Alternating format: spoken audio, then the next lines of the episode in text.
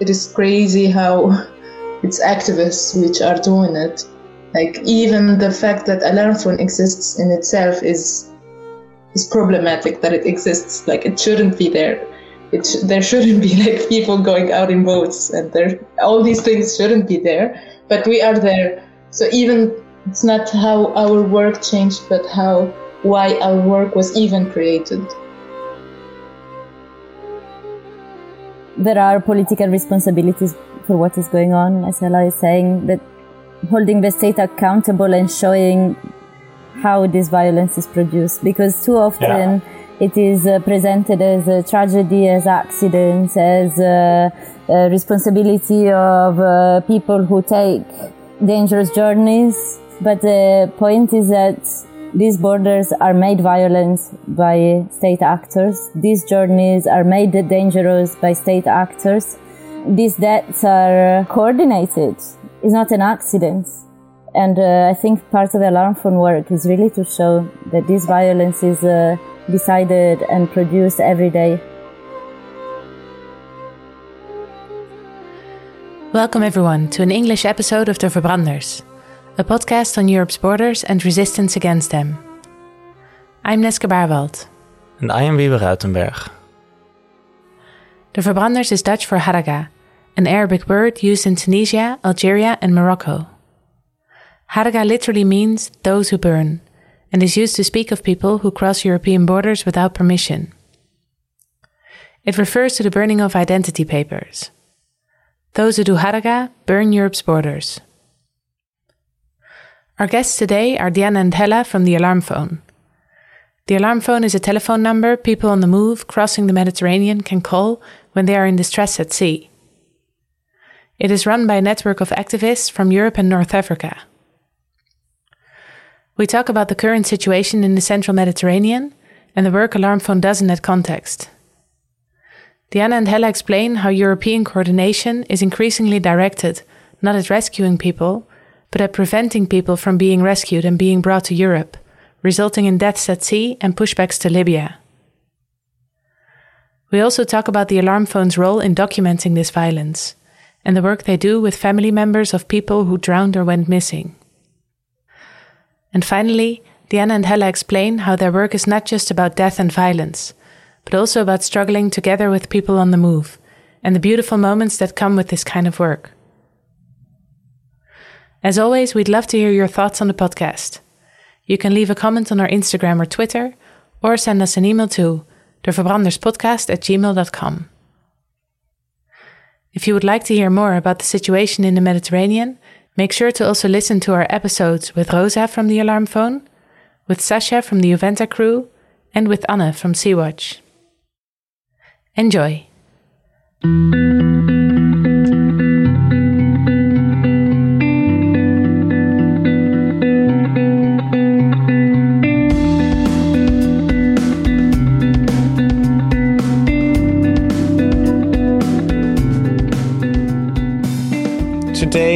We are going to speak to Deanna and Hela from the alarm phone.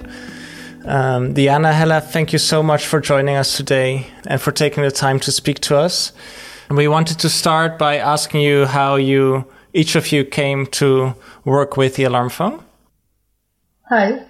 Hi. Uh, I was active in uh, other groups and NGOs in Tunisia and I just met two people from the alarm phone. They introduced me to the alarm phone work and I started doing, yeah, big part of alarm phone after some trainings.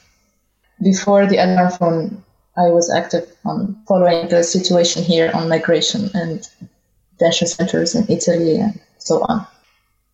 Hi everyone. So I used to live uh, in Amsterdam, indeed, where there was a small alarm phone group since 2014. So I knew about alarm phone, but at the time I was involved in other no border uh, struggles and I didn't really have a lot of time for uh, doing more systematic work like the one that the alarm phone requires.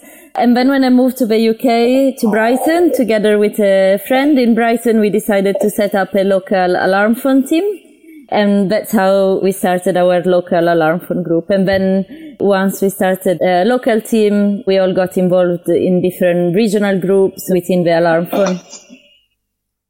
Could you talk a little bit about how the alarm phone came about and what the alarm phone is for listeners who might not be familiar? The alarm phone is a hotline for people which are on the move. We get information about people which are in distress in the central Mediterranean, but also in the Aegean Sea and the Western Med. And we then put pressure on authorities to rescue because the alarm phone was created after the two shipwrecks of 2013 where many people are still missing. So that's how the alarm phone idea came to support people which are in the Mediterranean. And we also do some follow up work with the relatives of the missing. We organize commemorations. We document violations which are ongoing in the sea maybe then I would like to add something. No, I think you said it really well. It is indeed on the one hand a way to support people who are on the move and on the other a way to document border violence and make authorities accountable. So I think these are the two main aims of Alarm Phone and what we do in our everyday work, but also in our broader political mobilization in a way. And how, how is Alarm Phone organized?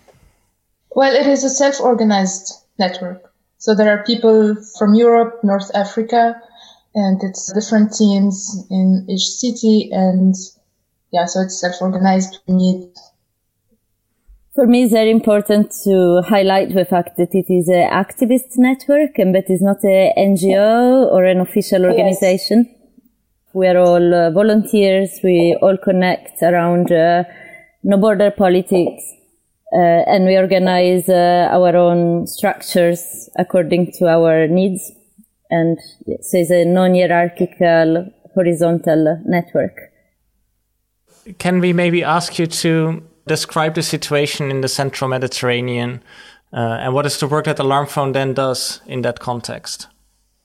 What we have been witnessing in the past year, at least, or in the last couple of years, is the complete lack of official rescue assets in the central Mediterranean Sea, which means that uh, people who embark on these uh, boats either have to make it by themselves and uh, several people arrive autonomously or they are uh, left to die at sea and uh, left in distress for uh, several days or they are intercepted, captured, and arrested by the so-called Libyan Coast Guard. So for us, this is the most challenging aspect of our work. So when there are boats in distress and we know that when their engine is not working, when they're not able to continue north, their only option is either to be taken back to Libya or uh, to be left in distress for uh, days.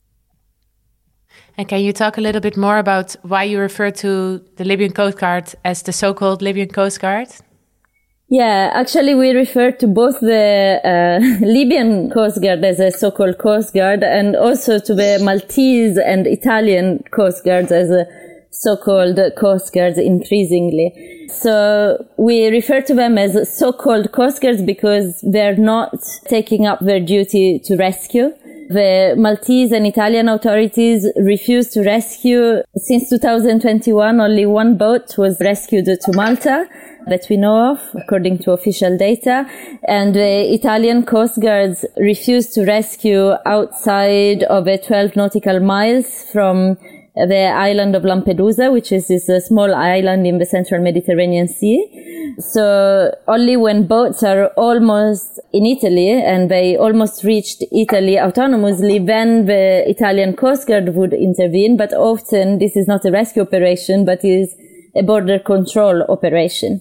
And uh, we know of several shipwrecks, also the ones that uh, happened in 2013 and that triggered the mobilization of networks such as the alarm phone, they happened just a few nautical miles south of Lampedusa.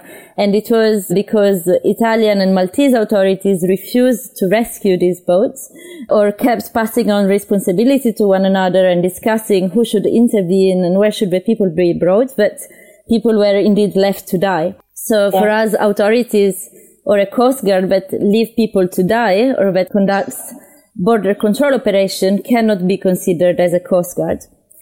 In regard to the so-called Libyan Coast Guard, for the same reasons we call it a so-called Coast Guard, the so-called Libyan Coast Guard was constituted, built and uh, resourced in 2018 and it was a part of a externalization of a European uh, border and uh, it was built with uh, European and Italian money. It was uh, built through bilateral agreements between uh, Europe and Libyan authorities in a moment of civil war in Libya, of high political instability. And through the constitution of the so-called search and rescue zone and of the so-called Libyan Coast Guard, European authorities delegated their duty to rescue to Libyan authorities.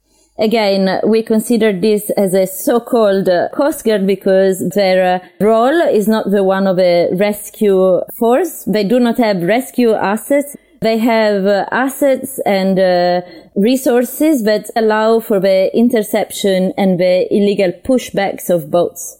When we speak about uh, search and rescue operation, we have to keep in mind three aspects. One is uh, searching for the boats in distress, and that's something that European authorities often don't do, rescuing or picking up the people from the boat in distress and moving them to a safe uh, asset. And then the third and crucial element that define a rescue operation is bringing the people to a safe harbor. And because the so-called Libyan Coast Guard brings people back to the place that people risk their lives to escape from, this cannot be considered a place of safety. So yeah. their uh, operations are illegal pushbacks, are interceptions, are arrests at sea, but they are not rescue operations. And if you look at the daily work that you do, what typically happens after people call you, after people call the alarm phone? So, in general, we try to find out if it's uh, a distress case. Afterwards, we try to get the coordinates, the number of people which are on board, the type of boat. So, any kind of information that can help us to match an arrival or an interception later on. In the three regions, the situation is a bit different. So in the Aegean Sea, there is phone coverage, which is really easy to stay in touch with the people. Mm. For the Central Med, there is no phone coverage, whether you are leaving from Tunisia or from Libya. After a few nautical miles, there is no more phone coverage, so people usually use the Thuraya phones. In uh, the Atlantic route, we don't have even direct contact to the people themselves. So it's really the relatives which are contacting us, looking for their sons or daughters, and then they try to give us as much information as possible, and we follow with the authorities and we inform them mainly about the coordinates of the boat. So we keep on following the boat until the rescue is coming. If we are lucky and if there is still battery in the phone, because it's not always the case, sometimes we just lose the contact to the people and we don't, we just try to wait and wait and contact every single person we can find, every single organization, every state actor to try to know more about the fate of the boats. It is a funny and sad that the alarm phone was created for a delay of rescue of four or five hours. But now for every boat which is in the central Med, you have to wait for more than 24 hours until a rescue is coming if you are lucky enough. And when you said there's like when you start an alarm phone, there's a delay of five hours in between when you call and authorities come to rescue if they come at all. And now there's like 24 hours, I think you said. How is that delay produced? Like what is happening? How are authorities responding and why are they responding so slowly? So there are different search and rescue zones. In the so-called Libyan search and rescue zone, which is indeed half of the central Mediterranean Sea, the so-called Libyan Coast Guard intervenes only when they want to. And mostly they intervene when there are uh, search and rescue NGOs at sea. So you can clearly see that the so-called Libyan Coast Guard really travels around the rescue ships to prevent the rescue ship from rescuing.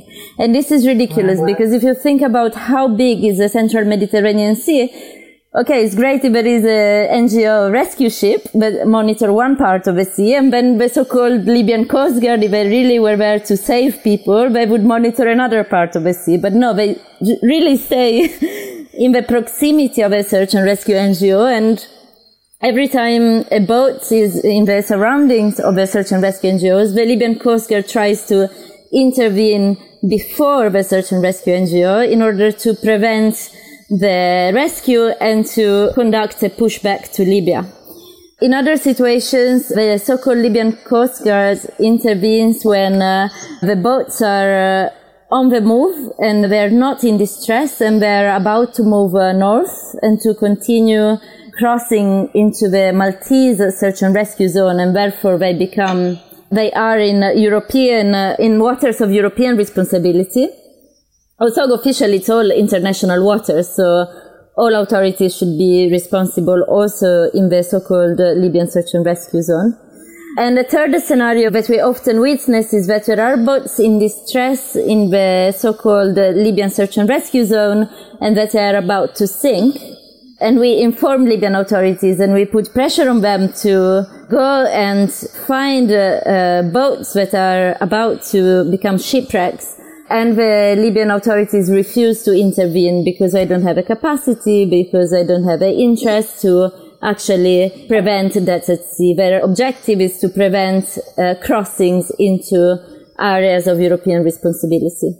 So this is the situation for the Libyan uh, search and rescue zone. Whilst in the Maltese search and rescue zone, as we said earlier, there are no state rescue assets. There are only merchant vessels. The only thing that the European Union does is to monitor and surveil the sea from above with uh, Frontex airplanes.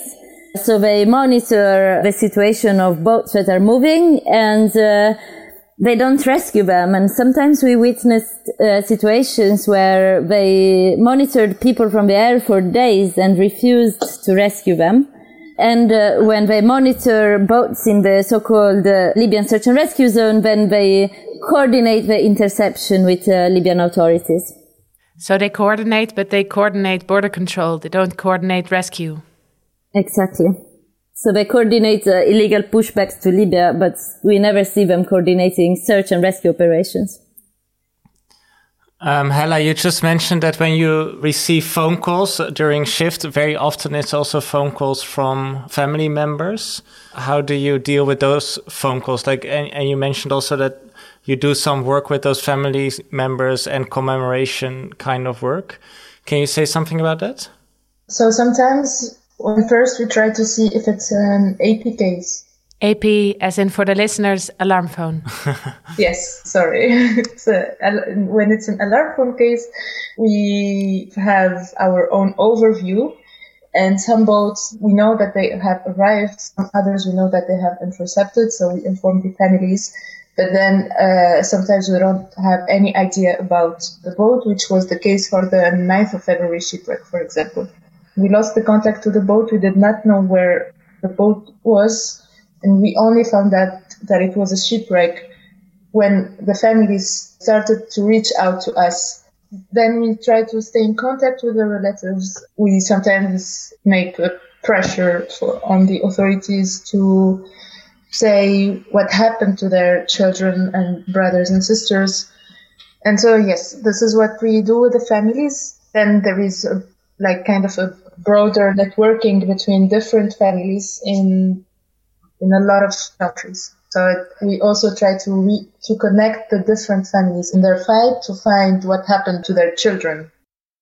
I think this is a very important aspect of uh, of alarm phone work that maybe sometimes is put a little bit on the side. Uh, this documentation and also speaking with family members and uh, finding out what happened. And for me, it's really stunning that this is done by activists. In a way, it's really empowering to see how activist networks, both in uh, Europe and in the places where people uh, have left from and where their families are, self-organize in this very powerful way to find uh, answers. But on the other hand, it really tells the lack of any institutional official attempt to find out what happened to the people. And sometimes we also cannot know what happened and we just work by experience and often people on a boat in distress call the alarm phone and then the line cuts and for days we will never know if it's because their battery is empty, if it's because they've been intercepted and their phone was thrown in the water, or if it's because something terrible has happened. And for the families, it's the same. They hear from their loved ones when they're about to leave, and then they don't hear anything anymore for weeks.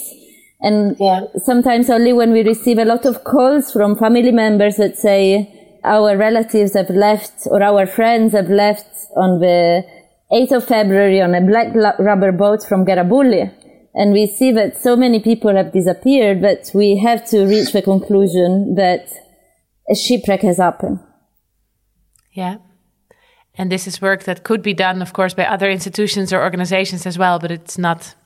It's not. And for, for the families, it's really hard to then believe that the people have died because our only answer is like, oh yeah, hi, I'm Deanna, and or hi, I'm Hela, and uh, I'm part of this activist network, and I think that your uh, loved people have died because this is what we know from experience, but we don't have any evidence. Nobody has ever searched for them when they were alive. Nobody has ever searched for them when they were dead. And uh, nobody will give you real answers on what happened. And I think this tells a lot on the violence of the silence and invisibility that is currently produced in, in this region. Yeah. And I think the contrast is so is just so strong from you earlier describing airplanes monitoring this and sort of like the um, amount of coordination that goes into border protection and then it's also almost as if there's a coordination to prevent any evidence from coming out, right? A coordination of keeping things from sight, keeping people from seeing what's going on. Yeah, and this is done also when people are pushed back and taken to Libya and they're taken into detention centers and they disappear for months. If uh, they are lucky, they manage to send a SMS saying yeah. they're alive, we've been pushed back. And sometimes you just don't know what happened to them. And, and I think in this silence and this invisibilization of violence of shipwrecks, of violation of all kind, it's really powerful to see how people on the move speak up and reach out uh, to denounce this violence and don't let themselves be silenced. They don't let their struggles become invisible, but when they can, they use everything in their power to really make their voices heard. And this is done either by calling from a boat in distress and also testifying on what they see because they are the only people who are actually able to do this counter narrative yeah. and counter surveillance work. But also when they're pushed back or when they survive shipwrecks and they call alarm phone to tell what happened and to ask us to hold authorities responsible. Do you have examples of when people were pushed back and then call alarm phone to share this experience with you?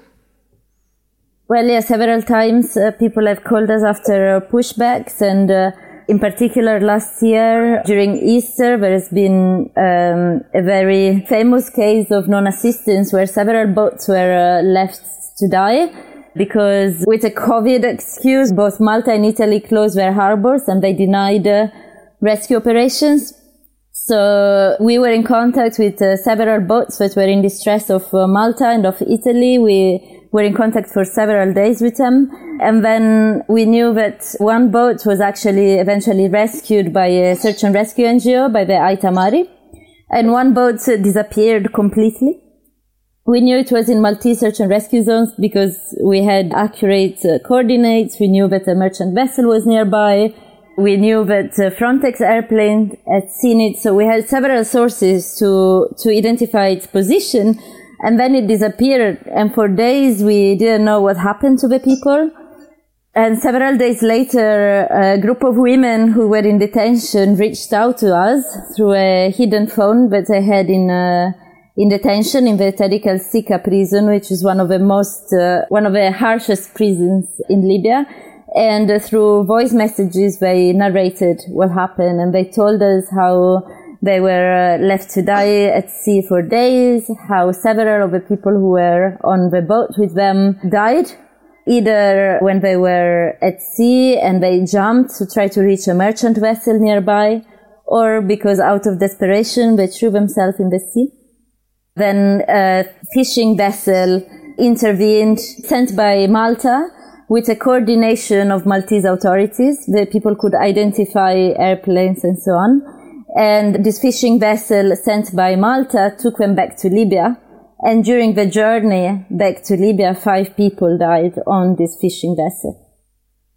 So this was a terrible testimony. Uh, it's one of the most terrible cases we witnessed as alarm phone because it lasted many days, because we all knew where the boat was, we all knew that there was an intention not to rescue them, and after there was this incredible silence, and it was really incredible for us how these uh, women could use their voices as weapons against uh, this violence, although they were traumatized, although they were detained in a Libyan prison, although they had nothing but a phone with an unstable connection, they still managed to reach out and to speak up and to denounce the violence of Maltese authorities. And afterwards, also these testimonies were used in an inquiry against the Maltese prime minister who was accused of killing these 12 people.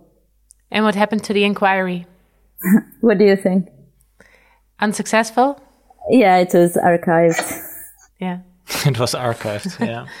Let me ask one more question about this because I remember you talking about this case on another occasion. And I think you also drew parallels between this case and revolts on slave ships. Yeah. Um, I think when we received these testimonies from the women in prison, we were a little bit surprised because we knew that this prison was a high security prison. And we were told, actually, one of the main difficulties was that it was also impossible to speak to the men who were on the boat and we heard that the women were separated from the men and the men were put in a high security place where they had no contact with the outside and the women were kept in a space where they had access to phones. And everybody was telling us that the men were um, isolated because the authorities were afraid that they would indeed uh, speak and denounce the violence they witnessed.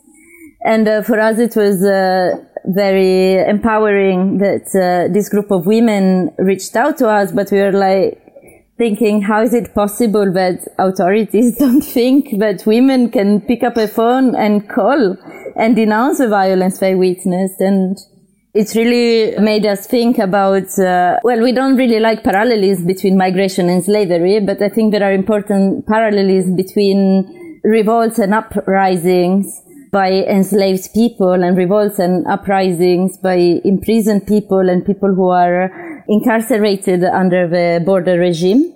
And it's really interesting to see how during the transatlantic slave trade, enslaved women were kept more free on the slave ships because the slave masters didn't think that they would be able to pose a threat to the ship.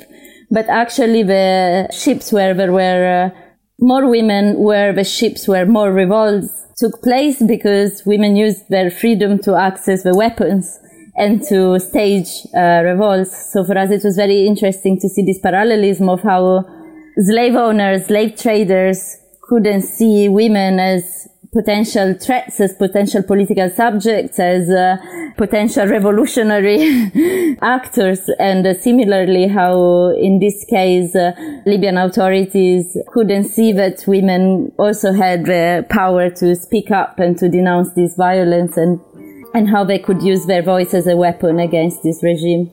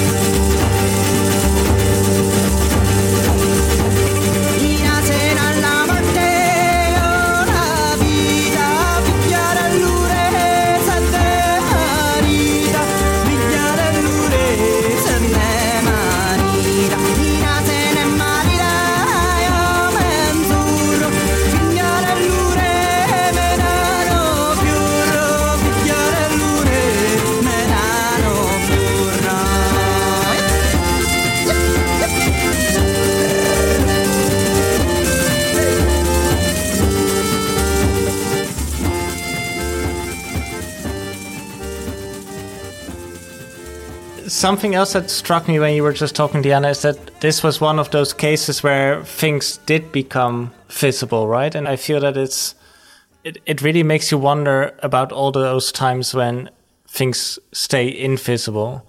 But these cases where you do know about it, you can really see the system is exposed in a way, right? Maybe Hela, you want to talk about these cases of shipwrecks that you were able to document in, in a way. So we have, for example, as I was saying, the 9th of February shipwreck where there was no NGO present in the sea, uh, where we could not document what happened, that we just lost contact and and that's it. We had no more information by any other state actor on this case. But Yeah. then we also have like some cases where there are ship NGOs, which was the case of the 22nd of April shipwreck, where Ocean Viking was present in the sea. And after we alerted the authorities about the boat, they were searching the area along with three other merchant vessels. And we informed the so-called Libyan coast guards, but they did not leave because they said the weather was bad and we, they won't leave to search for the boat. Instead, they have intercepted another one. So Ocean Viking of the NGO SOS Méditerranée, they were searching for the boat. After hours, they found the remains of the boat. And because they were there, we, we could know what happened to the boat. So if they were not there, it would have been the same thing that happened with the 9th of February, where after a long period, the relatives reached out to us And could you talk more about the role of merchant vessels in the central Mediterranean Sea and their role in pushbacks or rescues or non rescues?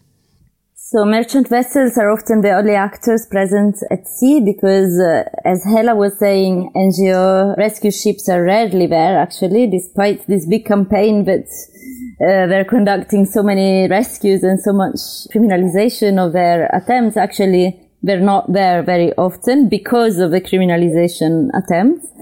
So the only actors that are at sea are uh, merchant vessels who get also criminalized, well, not criminalized, but uh, punished for uh, rescuing people. So they don't get criminalized through criminal law often. They don't get uh, punished through traditional legal techniques, but they in fact get punished for rescuing people because often they're kept in very long standoffs and uh, they're not provided a place of disembarkation and they have to wait for days before they're allowed to bring the people to a place of safety. It has happened a few times that uh, um, merchant vessels found people in distress or maybe even European authorities coordinated a rescue by merchant vessels and then denied them a place of disembarkation. And for instance, last year in uh, August uh, 2020, the Maersk Etienne rescued 27 people. And they were kept outside of uh, Maltese uh, waters for 38 days. Wow. So this is a punishment. It's not criminalization, but it's a form of punishment because first of all, both for the people who are rescued, who are kept in inhuman uh, conditions on a merchant vessel, on a boat after surviving a shipwreck, but also for the company of a merchant vessel who rescued because they lose a lot of money. They find themselves in a very difficult political uh, and diplomatic situation and uh, they're not provided with any support by European authorities. So increasingly merchant vessels try to avoid the routes where there are uh, boats crossing. And uh, recently on the 2nd of May, we had a specific case where there was a boat at the border between the Libyan search and rescue zone and the Maltese search and rescue zone. And I remember being on the phone with them because they were actually speaking Italian. And for hours, uh, we knew that a storm was coming. So it was a very stressful situation because their engine was not working. So they couldn't move on. They couldn't come back. They couldn't do anything. And we knew they were in the middle of a area where a storm would have come. And that on their wooden boats with 95 people, they wouldn't have been able to survive that storm. So it was a very stressful moment where um, we were also not able to tell the people that rescue was coming because Italian authorities were not responding, Maltese authorities were not responding, and even Libyan authorities were not responding. And uh, being on the phone with the people and not being able to tell them, don't worry, rescue is coming, I think is the most challenging part of the alarm phone work. Because you want to reassure people, you want to be able to tell them, we called the help, they will be there in three hours, keep the people calm, but you're not able to do that. You, but you also don't want to tell them a storm is coming, be careful, because there is nothing they can do.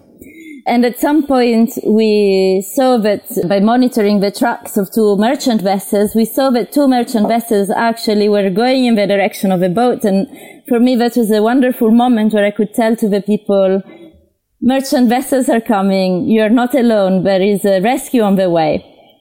And then the merchant vessels arrived and they didn't rescue the people. And the people on the phone were asking us, what is happening? Why are they not rescuing us? And I remember also Hela was uh, on the phone trying to explain them that maybe they were waiting for instructions and they were waiting for orders by authorities, but soon the the people on the boat realized that actually the merchant vessels were waiting for the so-called Libyan Coast Guard to arrive.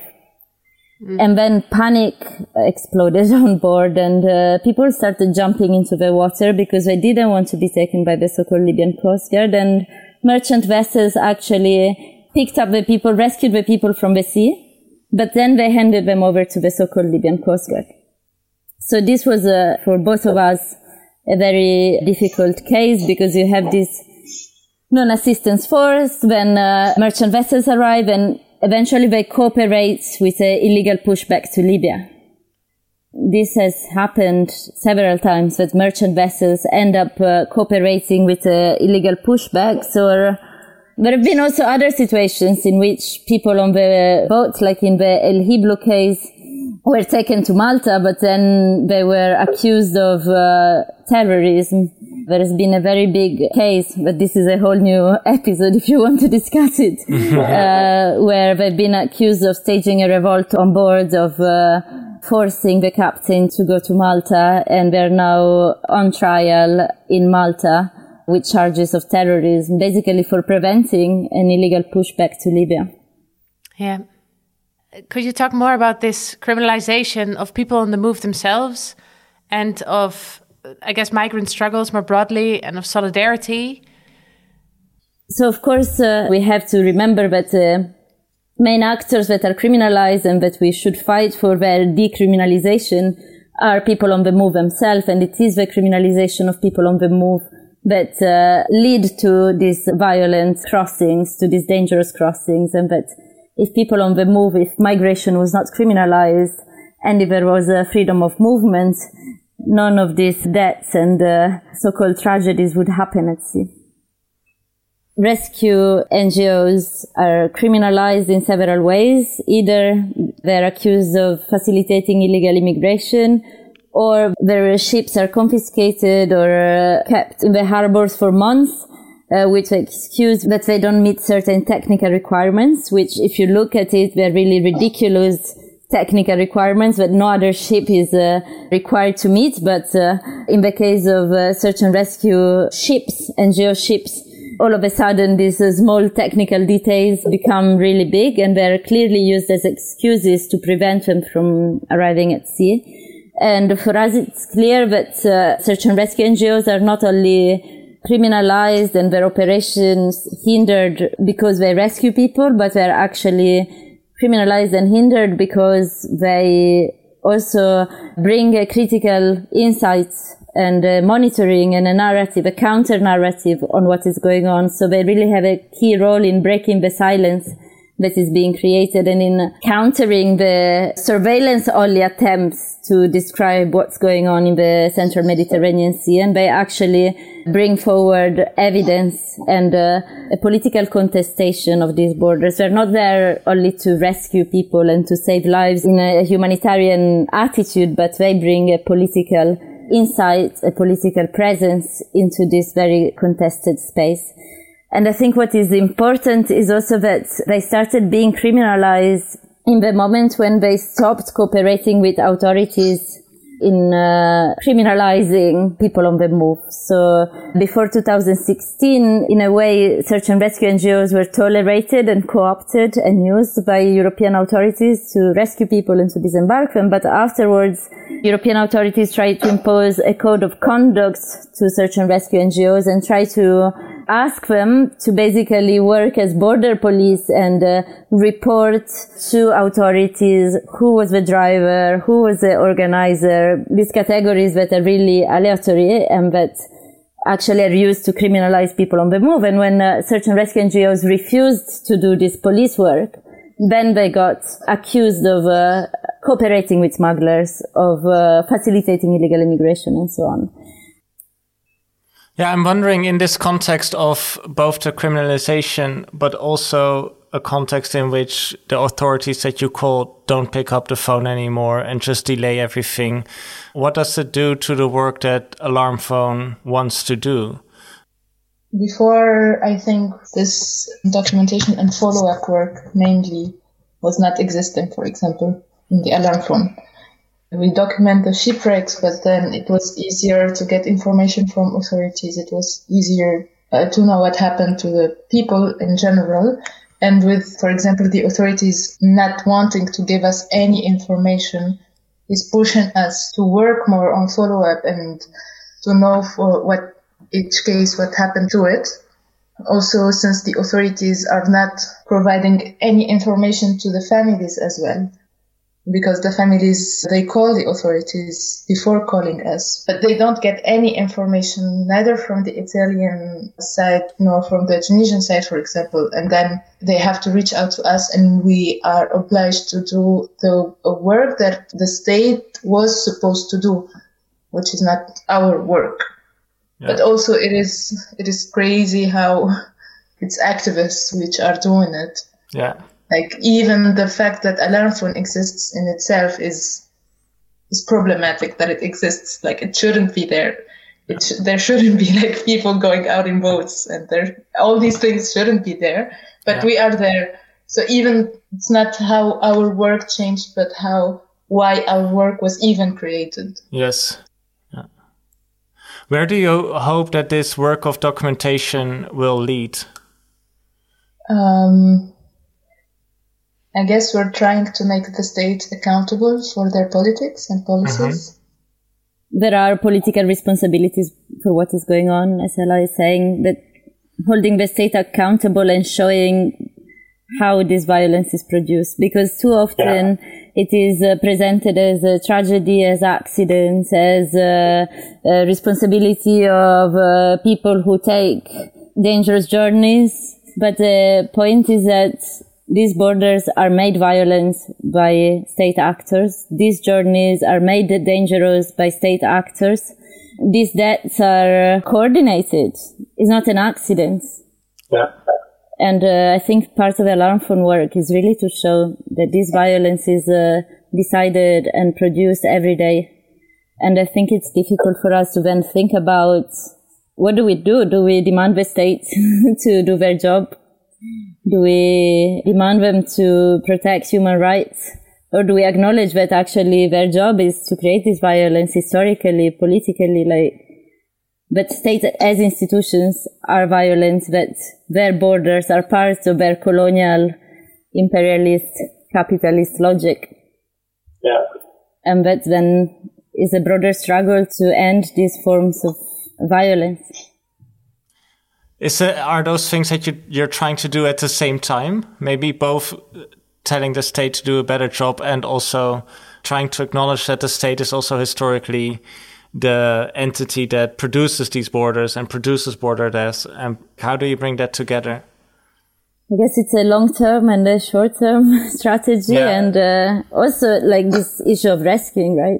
As Hela was saying, the point is why we are here in the first place. And uh, of course, in our everyday work, we have to ask the state to rescue. We have to ask the state to not let people die. But we also have to be very careful that we don't stay there in our politics because there shouldn't be rescue in first place. So yes, we demand more rescue, but at the same time, we want people to be able to move freely, to not to have to cross the sea to, to go where they want to go, either because they're escaping or because they want a different life. So we always have to keep in mind these uh, short-term objectives of uh, demanding the states to rescue, demanding the protection of human rights, and at the same time remembering that our broader aim is the abolition of a global colonial racist inequality that produces these dynamics in first place. But of course, this is easier to say than to do. Yes. And as I'm listening to you th- throughout this conversation, I'm I'm thinking how do you how do you process all of this? It's extremely harsh to kind of on a daily basis be confronted with these coordinated left to die situations and to be in touch with people on the move who themselves are not just confronted are li- living that and to be in touch with their families. And how do you support each other i guess in this work? How do you keep some form of sanity? We have this um, problem, but also in the past year it's been very difficult to meet and to share these moments. And uh, yeah, we don't really manage. We try several ways to, in all our meetings, there is a self-care discussion point. point, and it always ends up in some stupid jokes or funny jokes, but never into some practical steps to take care mentally. And I think there is a recurrent issue of burnout and uh, exhaustion. But also there are beautiful moments because I think we are talking about all the deaths and violence, but then there are also beautiful moments that keep us together. There are beautiful moments when people are rescued. There are beautiful moments when people arrive autonomously. There are beautiful moments when you keep in touch with someone who survive all this violence and who fights against this violence and uh, one day you meet and uh, there are beautiful moments between us because we keep strong together and uh, I think it's yeah it's not to romanticize because we shouldn't be there in first place but of course there is some powerful emotional connections that also come from this activist work which is not just about death and violence but it's also about uh, creating a counter power, creating common struggles together with people on the move and building these bridges that uh, between communities that the state and the European Union and Frontex are trying to destroy every day and they don't manage and and we continue and I think that's what keeps us sane for the little Yeah. sanity we have left. We always ask people if there's something that our listeners can do to contribute, to join in the struggle, to help raise awareness, share your reports, and those kind of things. What do you think that our listeners can do?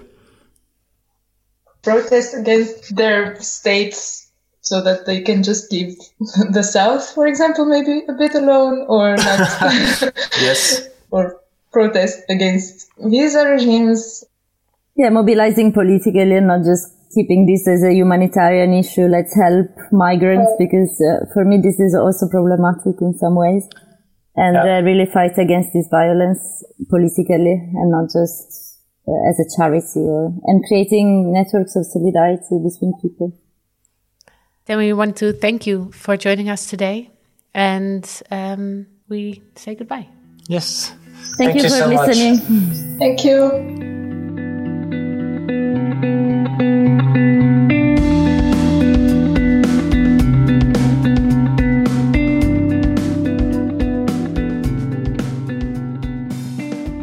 Before closing this episode, we would like to thank a few people, collectives, and organizations. B. Carrot for the illustrations we use on our social media accounts. Thomas from Dark Roast for the graphic design. Caspian Hat Dance, Joris and David, and Allen and Neske for the music. The MKZ Binnenpret for allowing us to use the space to record our interviews. And the Van Vollenhoven Institute and the Institute for Cultural Anthropology and Development Sociology of Leiden University, the Leiden University Fund, and the Netherlands Organization for Scientific Research for the financial support. If there are any thoughts you'd like to share with us, make sure to get in touch.